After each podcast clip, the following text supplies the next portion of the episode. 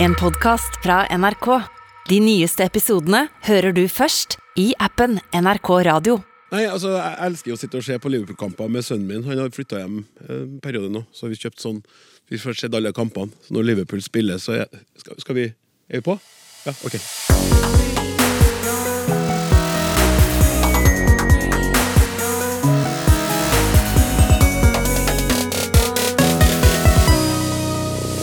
Hva har en skauser fra Liverpool med lapskaus å gjøre? Hvor i granskauen kommer uttrykket 'huttigheta' fra? Kan man tilbakenorske ord som adresserer narrativ og diskurs? Og hva må skje for at vi skal si Don Quijote? Det er klar for Lytterspørsmål spesial! Denne kommende timen ville vært komplett umulig å gjennomføre uten alle spørsmålene som dere sender inn til snakk. krøllalfa.nrk.no. Vi bukker og takker for hvert eneste bidrag. Nå sitter en språkforskertroika av fineste sort på kanten av stolene sine i iver etter å få svar og forklare.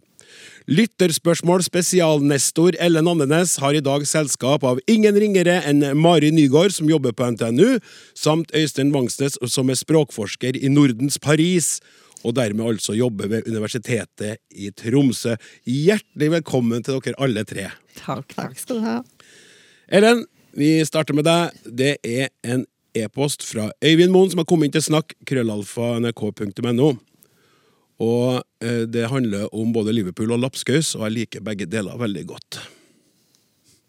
Han skriver Hjalmar Falk og Alf Torp oppgir i sin etymologisk ordbok at lapskaus kommer fra det engelske ordet lobscouse, lobscouse, som egentlig skal være lobs course, hvor lob betyr klump, og course betyr rett, eller retta. Og ser man på det lokale klengenavnet folk fra Liverpool-området bruker om seg selv, det vil si scouser, tyder dette på at lapskaus kommer fra Liverpool-området. Kan det være riktig at denne urnorske retten kommer fra Liverpool? Ja, det kan man lure på. Altså eh, Retten i seg selv kommer nok verken fra Norge eller fra Liverpool. Mm. Nei, den kommer fra de store havene. Altså, dette er en klassisk sjømannsrett. Ja. Ja, det er det. Og oppri- det- altså, det er jo da små biter av kjøtt og grønnsaker og skipskjeks. Det bruker vi ikke så mye nå. Men det var, det var tingen. ja. Ja.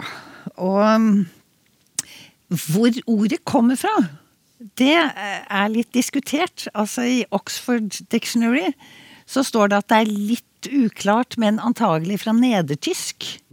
Som jo ikke er Liverpool. Eh, og dette her med lobs course, ja. Eh, og på dansk så kalles det skipperlapskaus. Fordi det ble brukt på havet. Og så, men så har vi jo denne, dette spørsmålet, da. Kan det ha noe med scouser å gjøre? Eh, og det ville bli litt rart ut fra orddanningsprinsipper, for da måtte det nesten bli sånn at man spiser klumper av Liverpool-folk. Og det, det gjør vi jo ikke! Nei. Det er ikke lapskaus. Det gjør vi ikke. Nei. Eh, og altså, ordet er belagt fra 1707, faktisk. Eller 1706. Men det vi kan si, det er at eh, Liverpool er jo en havneby, så det har nok vært spist veldig mye lapskaus der. Akkurat som i tilsvarende byer i Norge, og som gjør at man da forestiller seg at dette er urnorsk. Som det ikke er.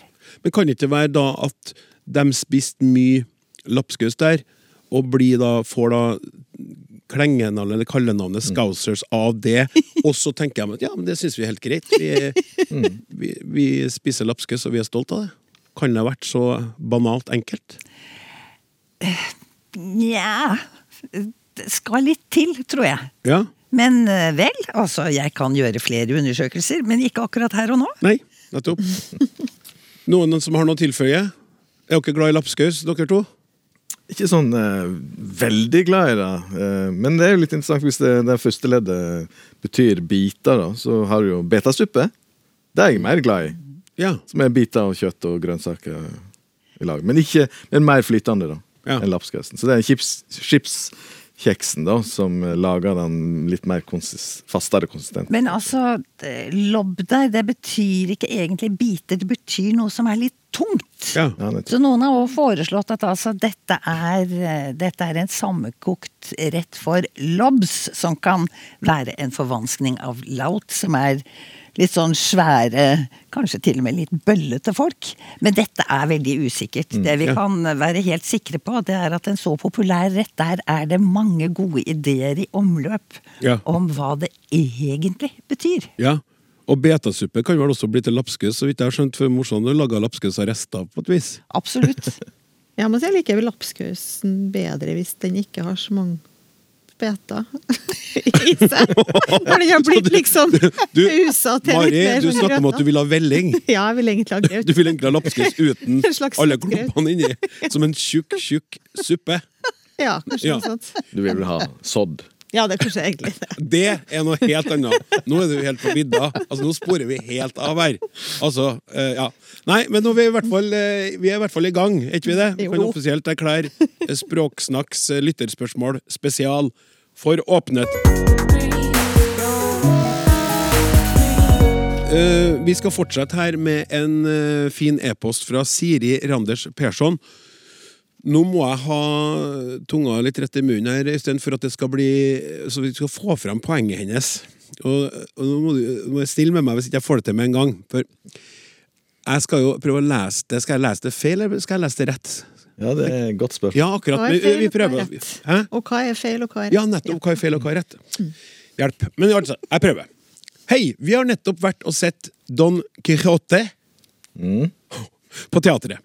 En av oss snakker spansk og synes det er rart at vi andre blant annet sier Don Quijote og Tenerife, og mener at det ikke skulle være så vanskelig å uttale en til slutt i disse og lignende ord, altså Tenerife, Don Quijote. I teaterforestillinga blir forresten begge uttaler brukt. Sancho Pancha, det er jo vennen til hjelperen til Don Quijote, uttalte det på spansk, de andre på norsk. Finnes det en språklig grunn til at vi uttaler det på norsk og ikke prøver å herme spansk? Jeg er gammel nok til å huske at engelske ord også ble uttalt på norsk. Det er, snart, det er det snart ingen som gjør. Det går nesten ikke an å si Titanic og Nike lenger. Selv om det siste jo er et europeisk ord som amerikanerne har fått oss til å uttale på engelsk. Ja. Er det bare mangel på spanskkunnskaper som slår til når vi kutter ene til slutt i spanske ord? Eller er det mer naturlig norsk uttale? Med vennlig hilsen Siri Randers Persson, da. Øystein. Det kom et sånn lite sidespor på engelske der. Vi, du kan begynne med det spanske, så ser vi om vi Ja, la oss gjøre det. Det, det er i hvert fall ikke noe naturlig norsk uttale å sløyfe de vokalene på slutten. Så jeg har jo en mistanke om at det her er snakk om eh, at en slår eh, spansk og fransk i hardkorn. At, eh, at kanskje over tid, da, altså hvis du går flere tiår tilbake i tid, så, så var kanskje fransk mer utbredt. I, eh, og kunne fransk var mer utbredt enn kunne spansk. Og da er det jo slik i fransk at en sløyfer en del både vokaler og konsonanter i slutten av ordet, etter visse regler. Og, og derfor eh, eh, blir da eh, Quijote og Tenerife til eh, Quijote og Tenerife. Som i bagett og entrecôte. Ja, der er det jo en E i skrift som ikke blir uttalt. Mm. Um, og, og så blir det et uh, nytt tema. Hvorfor sier vi entrecôte? Men det kan vi jo ta litt seinere. Så um, uh, det er jo ingenting ved norsk avkoding av skrift som skulle tilsi at vi skulle av, eh, kutte den E-en på slutten i de to ordene der, da. Nei. Og så kan det jo òg hende at uh, for alt jeg veit, og kanskje vet andre bedre, så har vi fått inn disse her uttalene faktisk via fransk, kanskje. Fordi at kanskje det er vanlig å si eh, Don Quijote i, i Frankrike, for alt jeg veit. Ja. Og så har vi liksom fått eh, dans, det skuespillet inn via deg, på en måte. Eh, Det er òg en mulighet, eh, hvis jeg skal spekulere litt. Ja. Ellen? Er det noen av dere som har hørt eh, noe norsk menneske snakke om Lanzarote? For det har jeg aldri hørt. Jeg har vært på Lanzarote. Men jeg hørte ingen kalle det Lanzarote. Så det er litt ja. Tenerife, men Lanzarote. Ja, Ja, det var, det var et godt poeng. ja. Det er morsomt, bare. Jeg har vært på Lanzarote, til og med. Ja. Jeg har aldri vært på Lanzarote, nei. nei. Og det ville jo blitt så vanskelig for det det er, i låten 'Det umulige er mulig'. Hvis de skulle ha sunget 'Vindmølla gi tapt for Don Quijote'? Skjønner du? Ja, det er nok det som er begrunnelsen. Ja, for at der skal du rime på Soria Moria slott. Det var omsorgsfullt tenkt. Ja, jeg vet det. det Jeg så at den var litt langt ut for dere språkforskere. Rett og slett. Tidsrekkefølge som ble litt vrang. Beklager. Unnskyld. Det var, det, det, var det, det var der jeg følte at jeg kunne komme med noe virkningsfullt i denne sammenhengen. Men det funka bare som passe. Ja. Men jeg syns jo noe av det mest interessante med dette her, det er altså som du sier, det er eh, Fransk var mye vanligere, og fransk var jo liksom språket for de kultiverte, ikke sant? Så det var en veldig sånn det var forskjell på folk, det altså. Om du kunne uttale de franske navnene på de franske rettene f.eks. riktig. Men så har vi jo fått en overreaksjon, da, sånn at vi faktisk de fleste av oss uttaler dem galt. Og sier f.eks. entrecôte istedenfor entrecôte. Ja, og pommes frites istedenfor pommes frites. Og dette kommer vel rett og slett til å bli gjengs norsk uttale, tror jeg. Det vil Jeg jeg var nylig på en restaurant og bestilte en bouillabaisse, og så sa servitøren ja, bouillabaisen er fin. Så Ja. Akkurat. Um, Så du ble, du ble korrigert til det som er feil? Um, jeg tror kanskje ikke at eh, hun oppdaga at jeg sa uh, det med en S på slutten, da. Men, uh, men i hvert fall la jeg merke til at hun ikke sa det med en S. Ja. Uten at du korrigerer henne. Det gjorde jeg ikke. Ja, så folk prøver på en måte å legge seg til en, det de tror er en franskaktig uttale. på en måte. Jeg har også blitt korrigert på en kaffebar en gang der jeg kjøpte meg en caffè latte, som jo er i det italienske eh, kaffeordet. Eh, så sa servitøren at eh, du mener vel caffè latte? eh, og- For det ville ha eksang, for det ligner jo, tenkte jeg da, ligner på café au lait, som er det franske, sant? Men mm. eh, det mente jeg jo ikke. Men eh, det, ja. ja. Og, ja, jeg har ikke en veldig god historie. Det var en som sto i en kjøttdisk, så var det la oss si, en eh, litt finere frue som eh, skulle bestille. Da. Hun ville ha en stanché-kylling. Oh, ja! Og Du mener stange? Stange-kylling! Sånn. Un poulet stanchet, s'il vous plaît. Og- Altså, det er jo eh, Like ved siden av sto det en og bestilte en ciabatta. Det er jo ikke så lett. Nei, det er ikke så lett. fordi, og det er mye kunnskap om verden vi må ha for å snakke riktig språk. Jeg tror den jeg liker aller best, den kom fra en eh, forretning som solgte maling. Hvor eh, eh, kompisen min kom og sa han skulle ha den fargen som heter blekvier. Og hvis du ikke, hvis du ikke kjenner til eh, den veksten som heter blekvier, så er det ikke så lett. Så han ble kraftig korrigert og sa du mener blekvier. Så, ja. Black Ja. Men helt avslutningsvis da, så syns jeg jo, men det er sånn personlig igjen Don Qui- Qui- Quijote Altså Don Qui- Nei, hvordan ble det nå? Quijote. Quijote! Ja. Det er herlig hvis du klarer å si! Da blir jo en spansk person glad, glad ikke sant? Hvis du sier Don Quijote! Ja, men Skulle du si det til en spansk person, eller skulle du si det til en annen nordmann? Ja, det var det. Ja, Vi går videre i programmet. Språksnakk med Klaus Sonstad. Hei, gode kolleger. Takk for fint program. Det her kommer nemlig fra en dame som jobber i NRK radiosystemet. Ja. Som nå da skriver sånn, det her er en sånn personlig e-post, da, sånn, men hun jobber da på NRK Tyholt her i Trondheim. Jeg har en samboer som søker ny jobb nå, og vi fatter sjelden hva jobben egentlig går ut på, særlig, gru- særlig grunnet bruk av tomme og fancy engelske ord. Hva gjør egentlig en support consultant? Data management rådgiver? Eller en leier for infrasatsing? og for ikke snakke om jobbsøknader, snakk om formelt og upersonlig språk. Jeg søker herved på stillingen. Det hadde vært spennende å høre eh, kloke hoved tenke høyt om dette. God helg. Hilsen fra Kjersti Anderdal Bakken. Mari, hva tenker du om det? Ja, her er det mye å ta tak i. Men først vil jeg si helt enig. Halleluja. Eh, veldig mm, Jeg så en stillingsutlysning her som var der man søkte etter en rådgiver på kompetanseområdet. Da lurte jeg på, ja Det må jo passe for alle og ingen, egentlig. Bortsett fra de som ikke har kompetanse. Ja. På noe som Eller som skal jobbe med kompetanse, eller ja, et eller annet. Ja.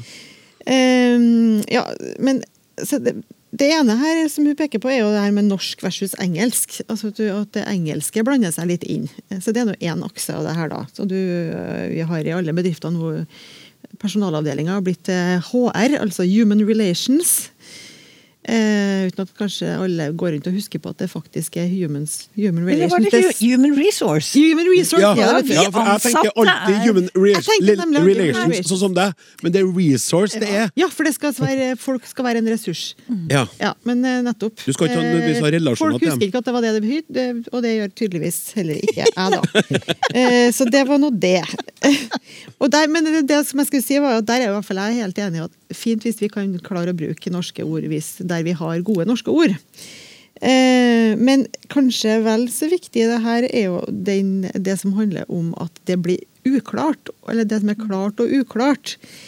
Eh, i de, de siste årene så har man jo i mange statlige bedrifter jobba med noe som heter for eh, klarspråk. Mm. Hatt det som en type strategi.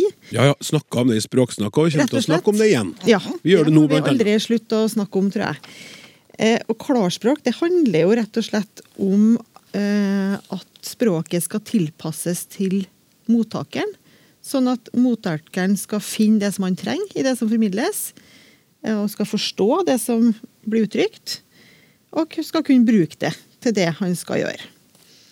Eh, og det er, mange, det er en god del norske bedrifter det kan man finne informasjon om, eh, som har gjennomgått den typen klarspråksarbeid og jobber med det aktivt. og Man finner mye eksempler på, på internett òg, med eh, tekster som var gjort før, og hvordan man har jobba klarspråksmessig med det her og gjort det bedre. da.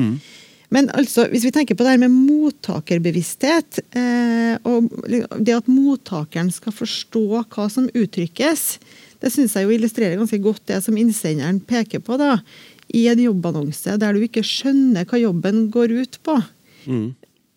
Det er jo litt dumt. Det er jo litt bortkasta tid både for dem som utlyser stillinger, og for den som skal søke.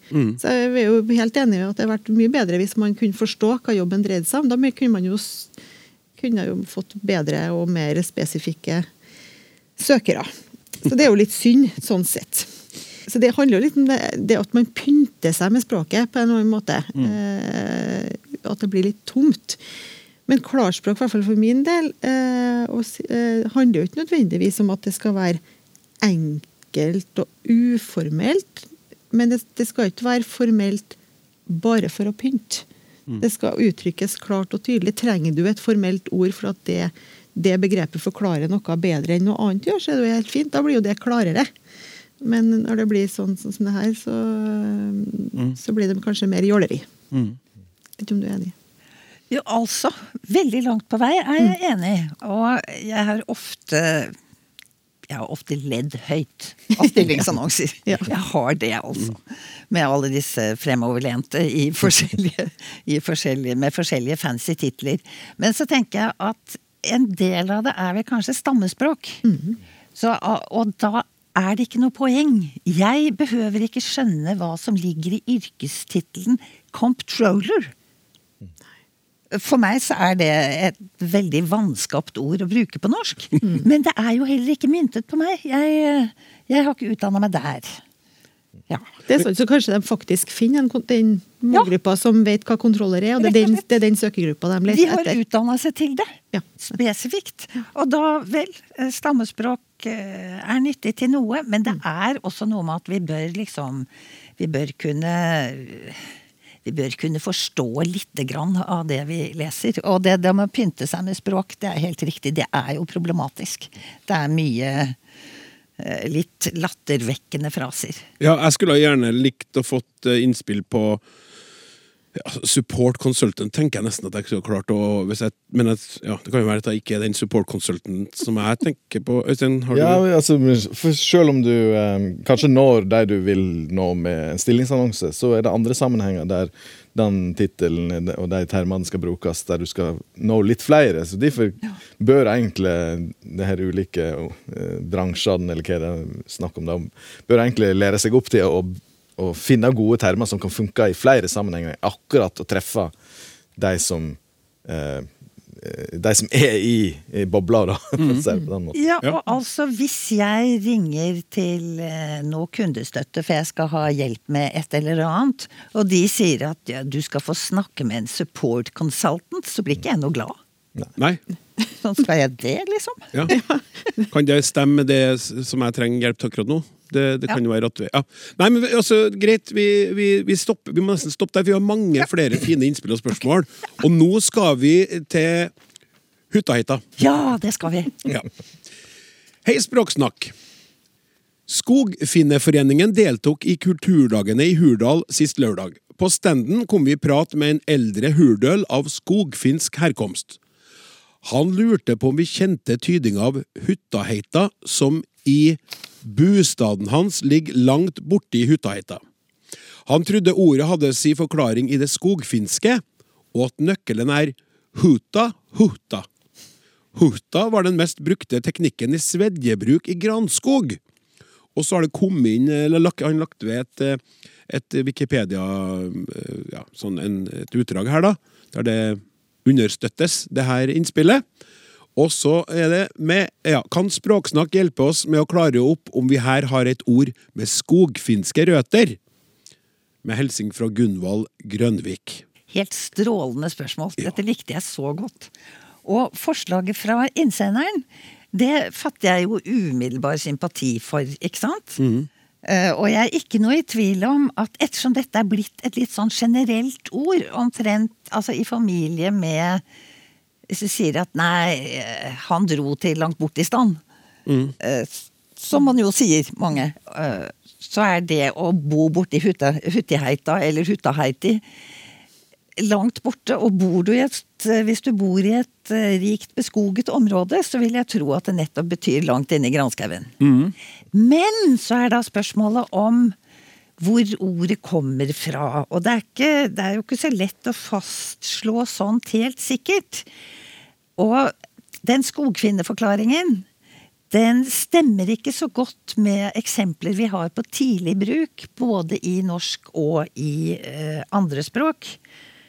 Altså eh, Jeg tror kanskje eh, Asbjørnsen Nei, Jørgen Moe skrev i et brev til Asbjørnsen da Asbjørnsen var ute på reise eh, langt borte i fremmede land, så skrev han om å reise til eh, Hutiheita. Og jeg tror kanskje det beste eksempelet, det er et fra Aksel Sandemose som skrev om at han seiler nu efter det falske kartet han stjal, rett ut i Hutiheita.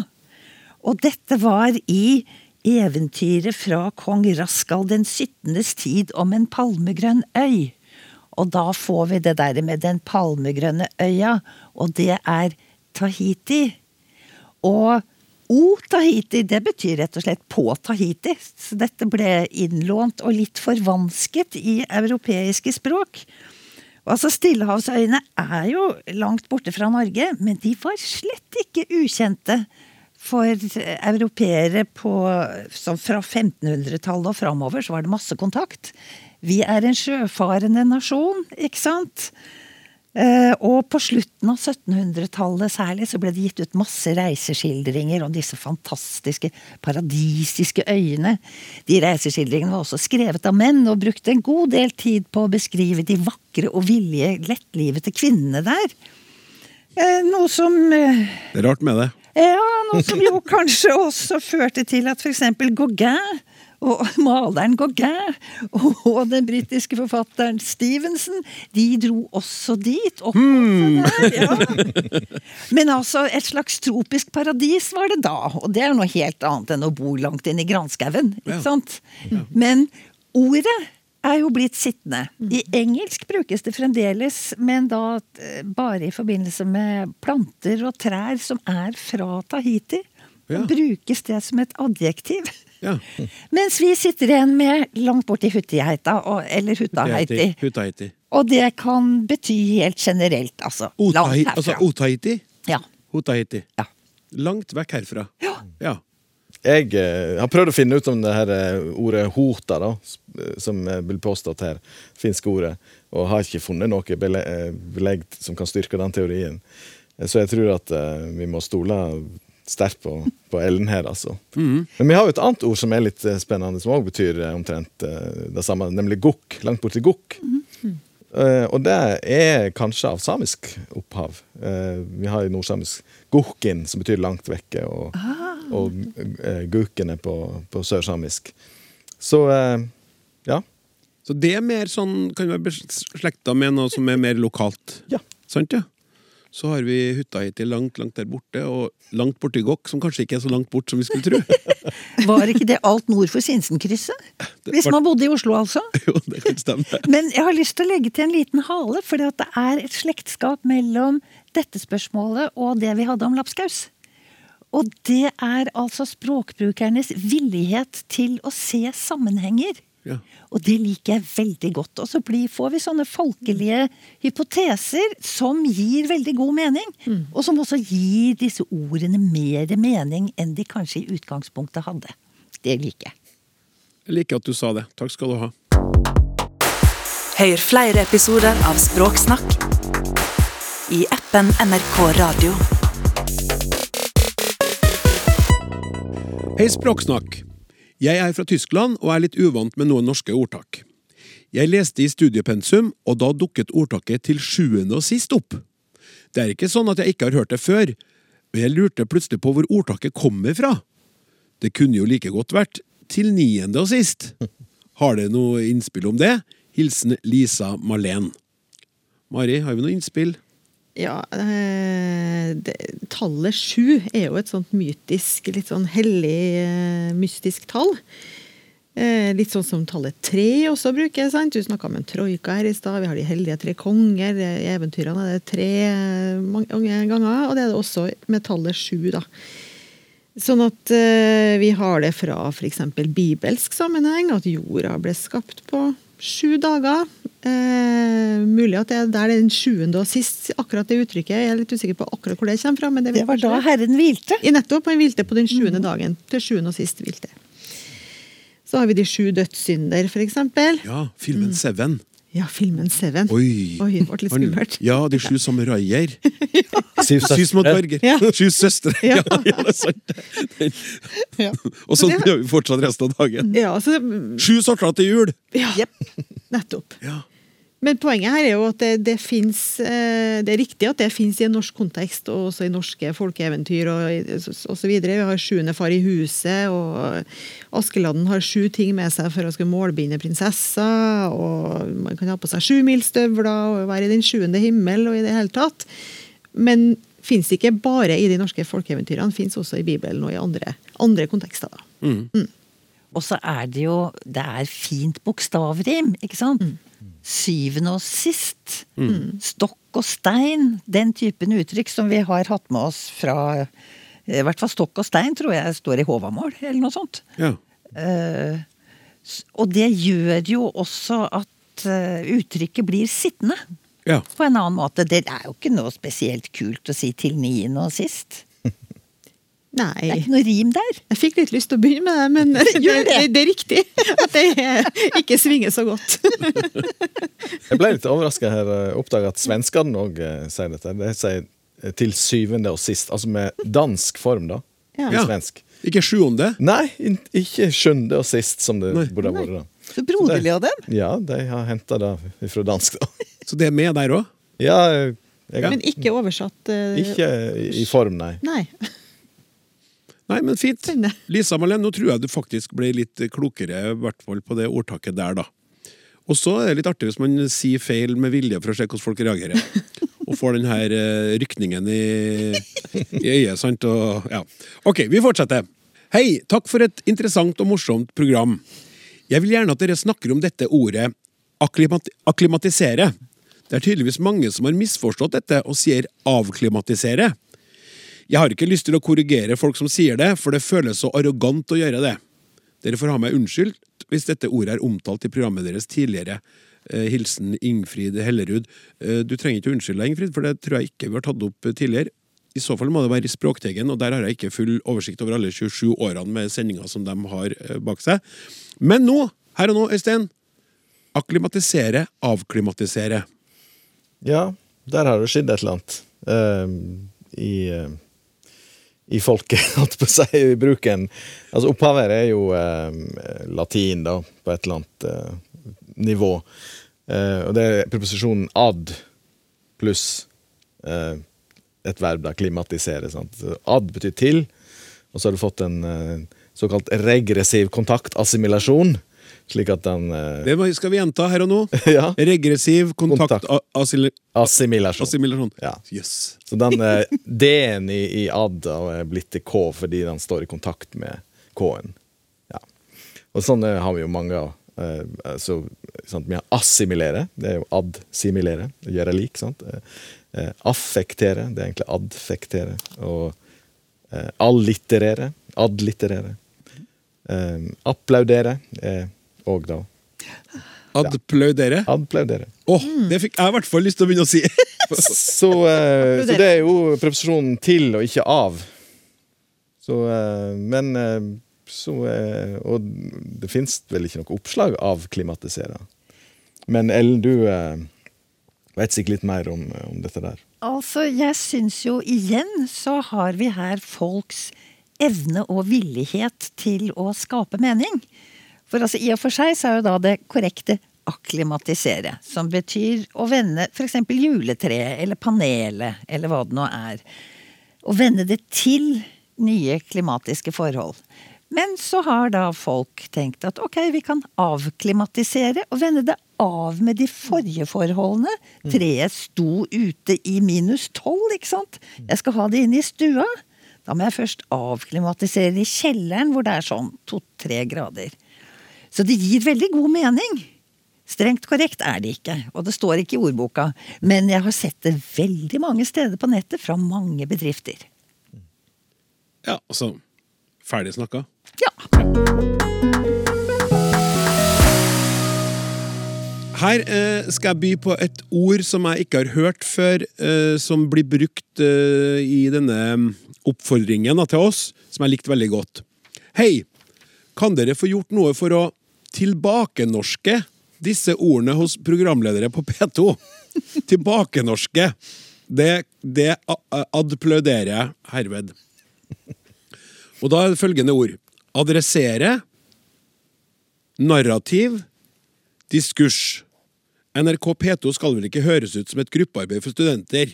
Hilsen Aslak Thorsen, journalist og frilanser sådan. Eh, kom også med forslag til hva man kunne bruke istedenfor, men det tenkte jeg Ellen, at du kunne ta tak i. ja. Ja. Altså, først må jeg også virkelig adplaudere det vidunderlige ordet tilbakenorske. Det er et kjempefint verb som jeg kommer til å ta i bruk umiddelbart. Virkelig. Eh, Så var det de bestemte orda som innsenderen nevner, og så var det spørsmålet om hva bør egentlig programledere på norsk radio gjøre? Det, det syns jeg er eh, Ja, det er eh, gode spørsmål alt sammen. Jeg tror at både adressere og narrativ har vi nok vært inne på i lyttespørsmål tidligere. Og der har det jo vært en sånn glidning, da, for da jeg var barn, så var adressere det var noe man gjorde med konvolutter og pakker. Man skrev adressen på.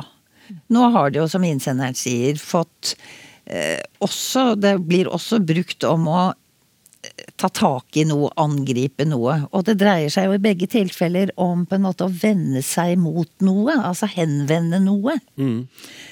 Eh, og så var det narrativ, som ja, er fortelling i historie, men som også har en mye mer spesialisert betydning. Altså et narrativ er en bestemt type fortelling. Eh, Sånn brukes det da i f.eks. litteraturvitenskap, men det brukes også mye videre enn det.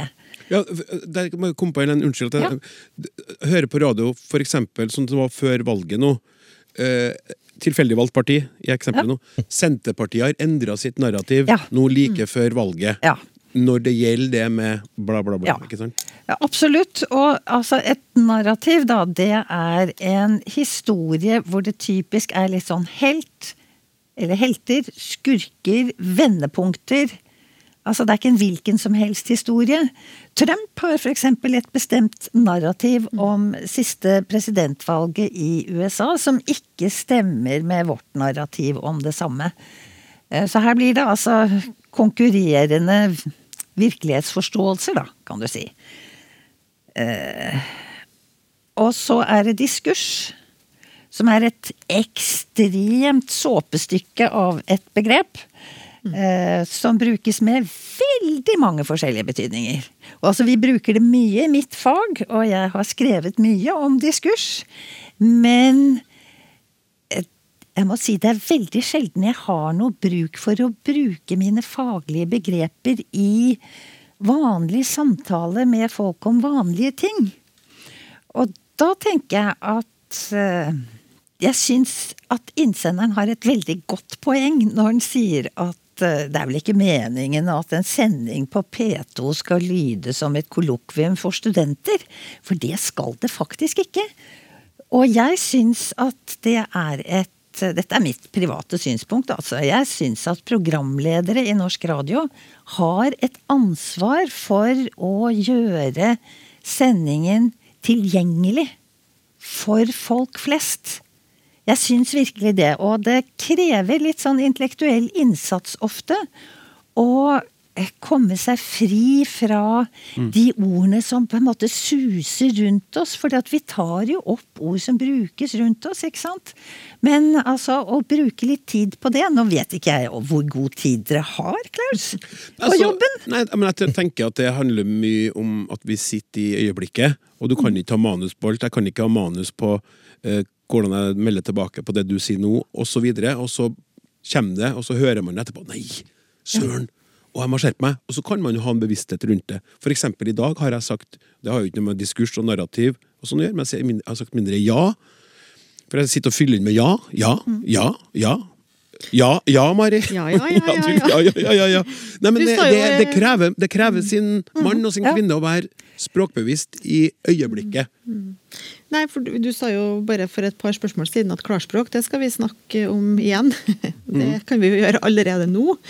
Egentlig da, eh, for da snakka vi om at eh, ja, hva, hva er klarspråk? Jo, det handler om å være seg bevisst hvilken mottaker man har, og at det skal komme klart og tydelig fram til den mottakeren hva som er eh, hva som er budskapet. da. Og det virker jo ikke på meg som at den innsenderen her ikke forstår hva som Hun skjønner jo ordet narrativ, kanskje, men å skjønne ordet diskurs det handler ikke om å, måte, eh, at det blir et feil på den måten, men det blir kanskje en litt sånn utvanna eh, bruk av ordene, som betyr litt ja, hva Ja, altså det? Hva er, egentlig, er det den avgrensa vitenskapelige betydninga som du sikter til, Ellen, så er det nå én ting. For da vet man at diskurs betyr akkurat det, eller akkurat det. Men når det betyr litt sånn litt sånn vagt, så blir det mye mer uklart, da. Ja, og bruk forskjellige ord og varier. Ja.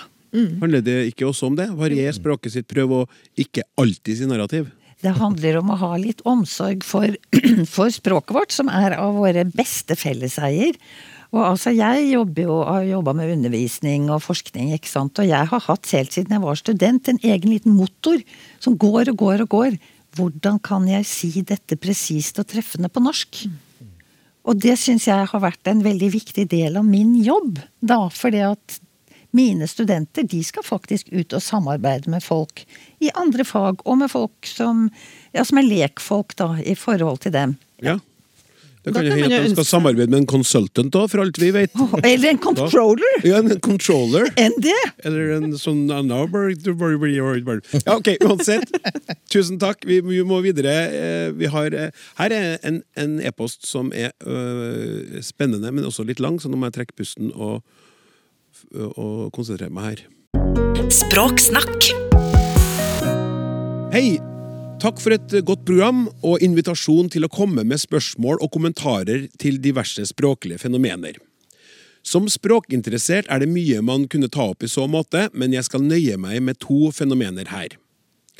Det første dreier seg om en undring over at man i visse situasjoner, preget av et utbrudd, skråstrek en spontan reaksjon på en gjenstand, en opplevelse eller et inntrykk med mere, bruker fortidsform av verbet, selv om det gjelder noe som ikke er avsluttet, men tvert imot beskriver noe pågående, og gjerne også fremtidig, og det derfor logisk burde vært presensformen som ble benyttet. Dette ble litt omstendelig, men for å illustrere med ulike situasjoner, altså, hør på maken, kolon. 1. Man er på besøk hos en venninne som viser fram, skråstrek stiller i en ny kjole, hvorpå gjesten utbryter. Så fin den var! Og meningen er jo at den er fin, og trolig vil være det fremover, og ikke noe den var før venninnen fikk den. To. I et middagsselskap kommer det fra en av gjestene som just har startet på hovedretten. Dette smakte utrolig godt. Neppe relatert til at det bare gjaldt den første biten, og at man er usikker på de neste. 3. På en tur kommer man til et utsiktspunkt, og en, og en utbryter. Her var det utrolig vakkert! Det har det nok vært lenge, men er det fremdeles og vil være det fremover. 4. Det gjelder ikke bare behagelige inntrykk. Man kommer inn i et søppelrom eller værelse hvor det har vært røkt og ikke luftet på lenge. Her lukta det grusomt! Som det åpenbart fortsatt gjør. Eksemplene kan forfleres, men poenget skulle vel være illustrert. Ganske pussig. Spørsmålet er, kan ekspertene si noe om grunnen til denne ulogiske tidsbruken av verbet? Har det noe navn? Har man tilsvarende fenomen på andre språk? Hilsen fra Erik Skaudal. Du verden for en fantastisk eh, godt tilrettelagt e-post fra en lytter. Ja, var komplisert. Og kom, nei, ikke komplisert, men komplekst eh, Ja. oppstilt, med gode eksempler. Og, Ryddig. Ja, ryddig og i det hele tatt interessant. Mhm.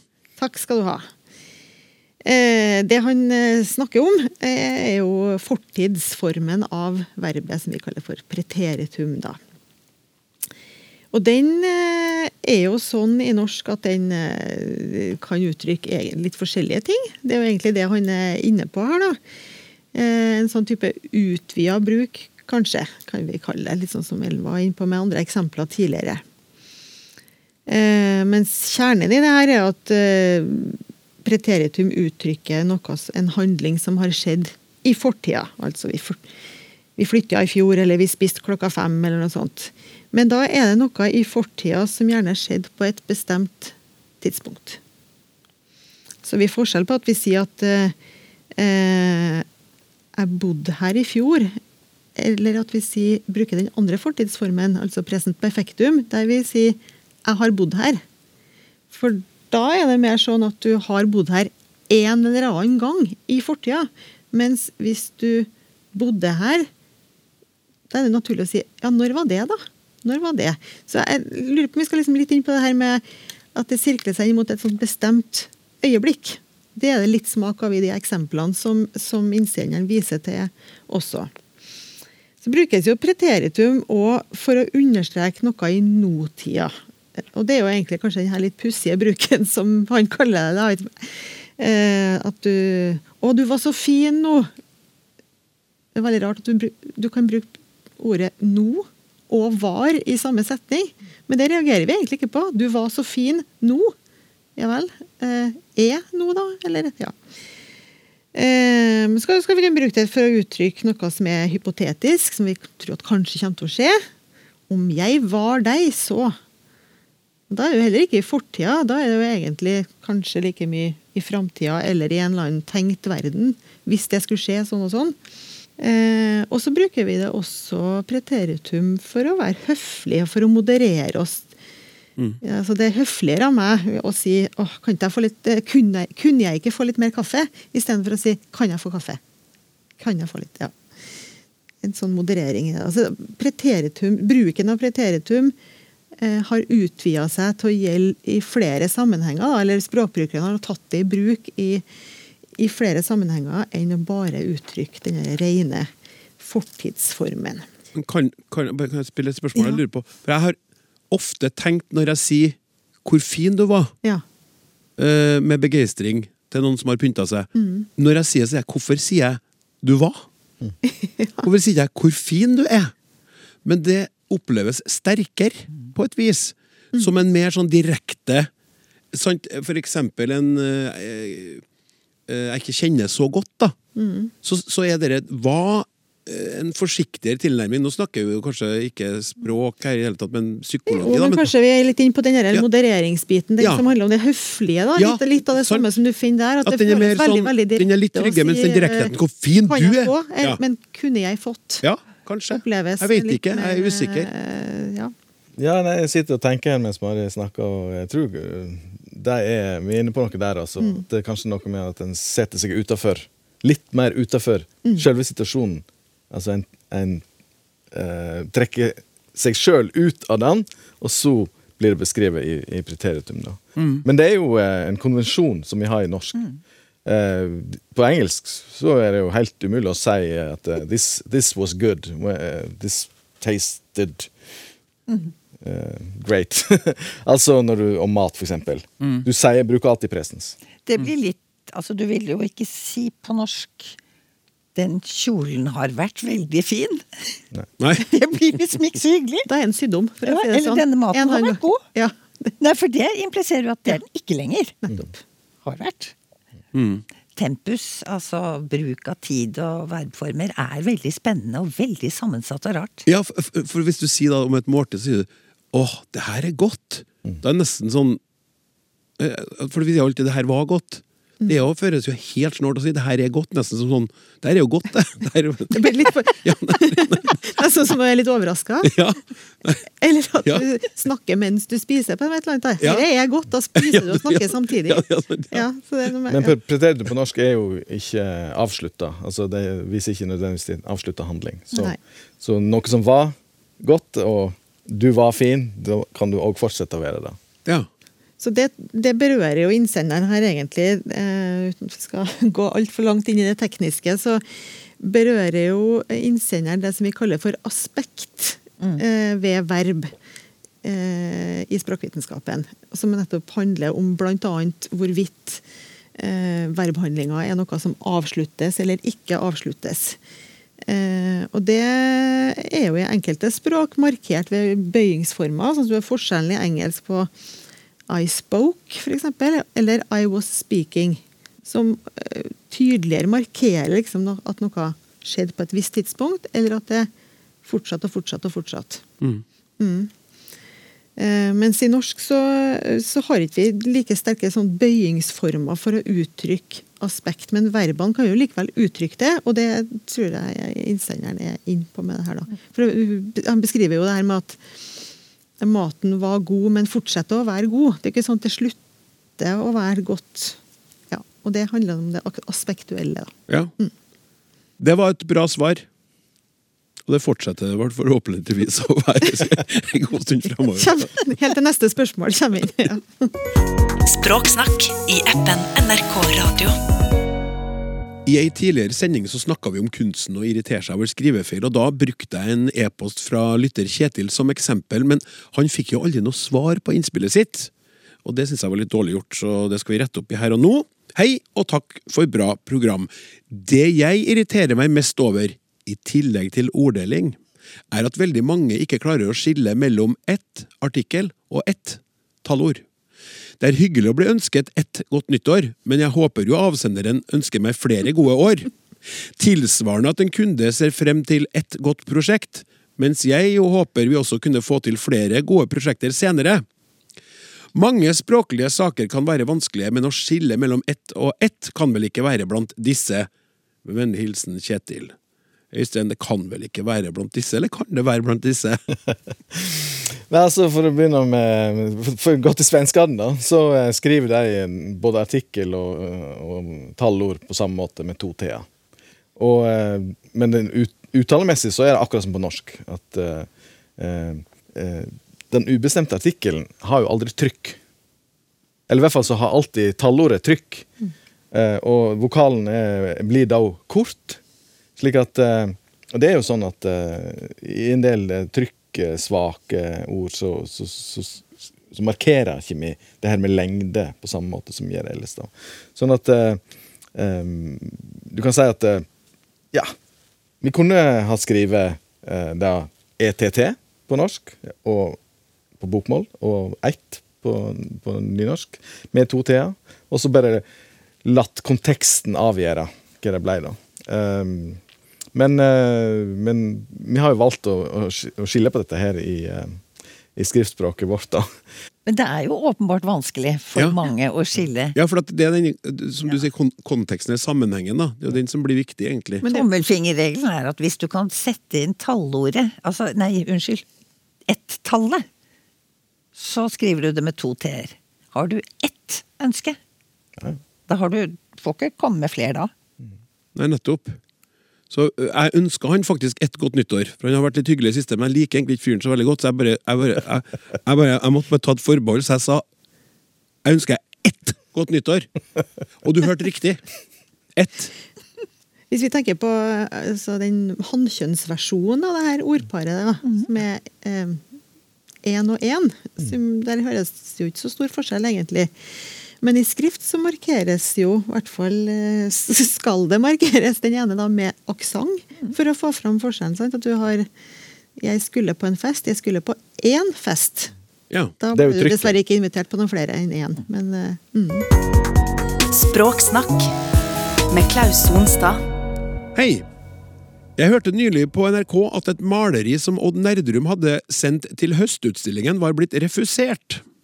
Kulturjournalisten brukte i den forbindelsen substantivet refusjon. Dette hører man stadig vekk på riksdekkende TV og radio. På Norsk språkråds sider står det at refusjon betyr tilbakebetaling, avledet av refundere.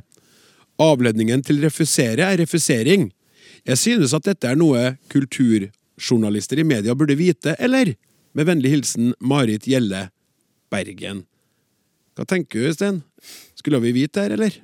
Ja, det kunne jo uh, gått ha visst, visst det. altså, men det som er interessant der, er jo at uh, både verbet refundere og verbet refusere, da, det kommer av det samme. Uh, Ja. ref, eh, refundere Ja, refudere på latin, da. Refudere. Ja, så tror jeg at den refusere kommer egentlig via fransk, eh, en partisipp på fransk. Så du har liksom fått et, eh, enda, enda et, eh, et verb. da, Og det her refodere betyr å eh, eh, Eller fodere betyr å øse ut. Sånn at eh, når du refunderer penger, så øser du ut penger tilbake Ja. til eh, mottakeren. Så, eh, så det er jo eh, De to verbene har samme opphav. Og så kan du si at eh, når du skal lage et substantiv av dem, da, så, så kan, da, kan du få eh, refusjon til å bli det samme. Og faktisk så ser en eh, i hvert fall at det blir brukt da eh, som substantivet av refusere òg, da. Ja. Så, men en kunne jo ønske seg kanskje at det var et strengt skille, at refusering er substantivet fra re refusere. Og så kan refusjon være refundere. ja.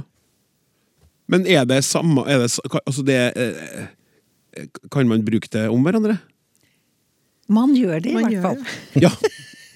Ja, det vet jeg at man gjør. Fordi at det, men, men det er egentlig da ikke rett, ikke sant?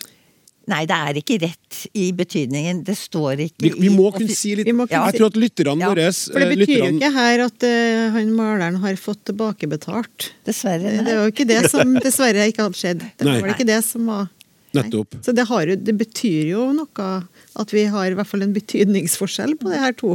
Ja. Og da er det jo fint eh, hvis det gjenspeiler seg i Og så kan du ta det derre poenget med Ja, altså at det, det brukes eh, Det brukes ganske ofte i begge betydninger av ordet, men det er den ene som strengt tatt er korrekt. Mm. Det går jo an å si det så enkelt. Du kan jo si det, du. Ja, Ja. det kan man si. Det som står i bokmålsordboka, nynorskordboka, er korrekt. Ja, ikke sant. Ja. Ja. Så vil jeg bare si at han maleren, det var Odd Nerdrum. Ja, ikke sant. Så ikke vi får noe sånn eh, brev fra Øde nå om at vi Nei. omtaler faren hans som han maleren. Det skal ha tatt seg ut. Ja. Hei! Jeg har lurt litt en stund på det historiske bak det å trekke været, som man sier på dansk for det å puste. Vet ikke om dere tar for dere danske begrep, vi holder jo på med det nå, da. Men jeg lurte på om vi har noen historiske tegn på at det har vært brukt på norsk. Vi snakket litt om det på jobb, og kom innom åndedrag som begrep. Men det er jo litt pussig at man sier trekke været og ikke trekke luften. Har fått høre at å puste på dansk er nærere det å blåse ut eller utpust. Men luft er kanskje et mer moderne begrep etter at naturvitenskapen kom, mens været er et eldre begrep. Det var der vi kom over på åndedrag. Men igjen, vet dere noe om dette? Skjønner at det er litt på siden da det er dansk, men jeg tenkte jeg kunne prøve med vennlig hilsen Pål Jakob Valstad. Og ja, Ellen, hva sier du så? Jo Spørsmålet var om vi har brukt dette historisk, og det har vi til de grader. Oh. Og det er bare rart hvis vi ikke ser sammenhengen mellom luft, luftrom og vær. Men det har vært, eh, det har vært ganske synonymt. Eh, Man kan både snakke om å dra været, trekke været, og ta været fra en. Altså ta pusten fra noen. Bjørnson brukte det masse. For eksempel, piken svarte 'pine død', og tapte så sitt vær. Ja. Rett og slett. Eh, og altså det å være Vi bruker det jo mye i betydningen snuse. Undersøke noe. Hunder har til og med hunder og katter har værhår, som de bruker når de gjør det der. Og vi sier jo sånn, du sa faktisk tidligere i dag, at 'jeg værer en konflikt'. Ikke sant? Og det er det aner oss.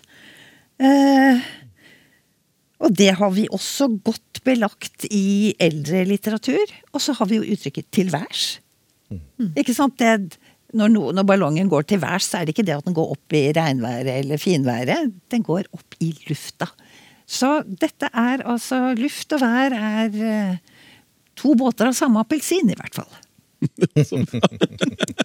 Ja, Tusen hjertelig takk skal du ha, og takk til dere alle tre. Øystein Vangsnes, eh, Mari Nygaard og Ellen Andenes. Språkforskere hele hurven. To holdt til her i Trondheim. Én skal straks springe av gårde for å rekke flyet tilbake til Tromsø. Men tusen takk skal dere ha. Eh, Martin Våge, Randi Lillealteren, Petter Gustavsen og jeg, programleder Klaus Sonstad, takker så mye for at du hørte på. Det er viktig for oss å huske. Har du et spørsmål? Har du fått noe du tenker på nå? Er noe du irriterer deg over? Er noe du mener ble galt i dag? Eller noe du syns var kjempebra? Skriv til snakk krøllalfa. Vi snakkes! Du har hørt en podkast fra NRK. De nyeste episodene og alle radiokanalene hører du i appen NRK Radio.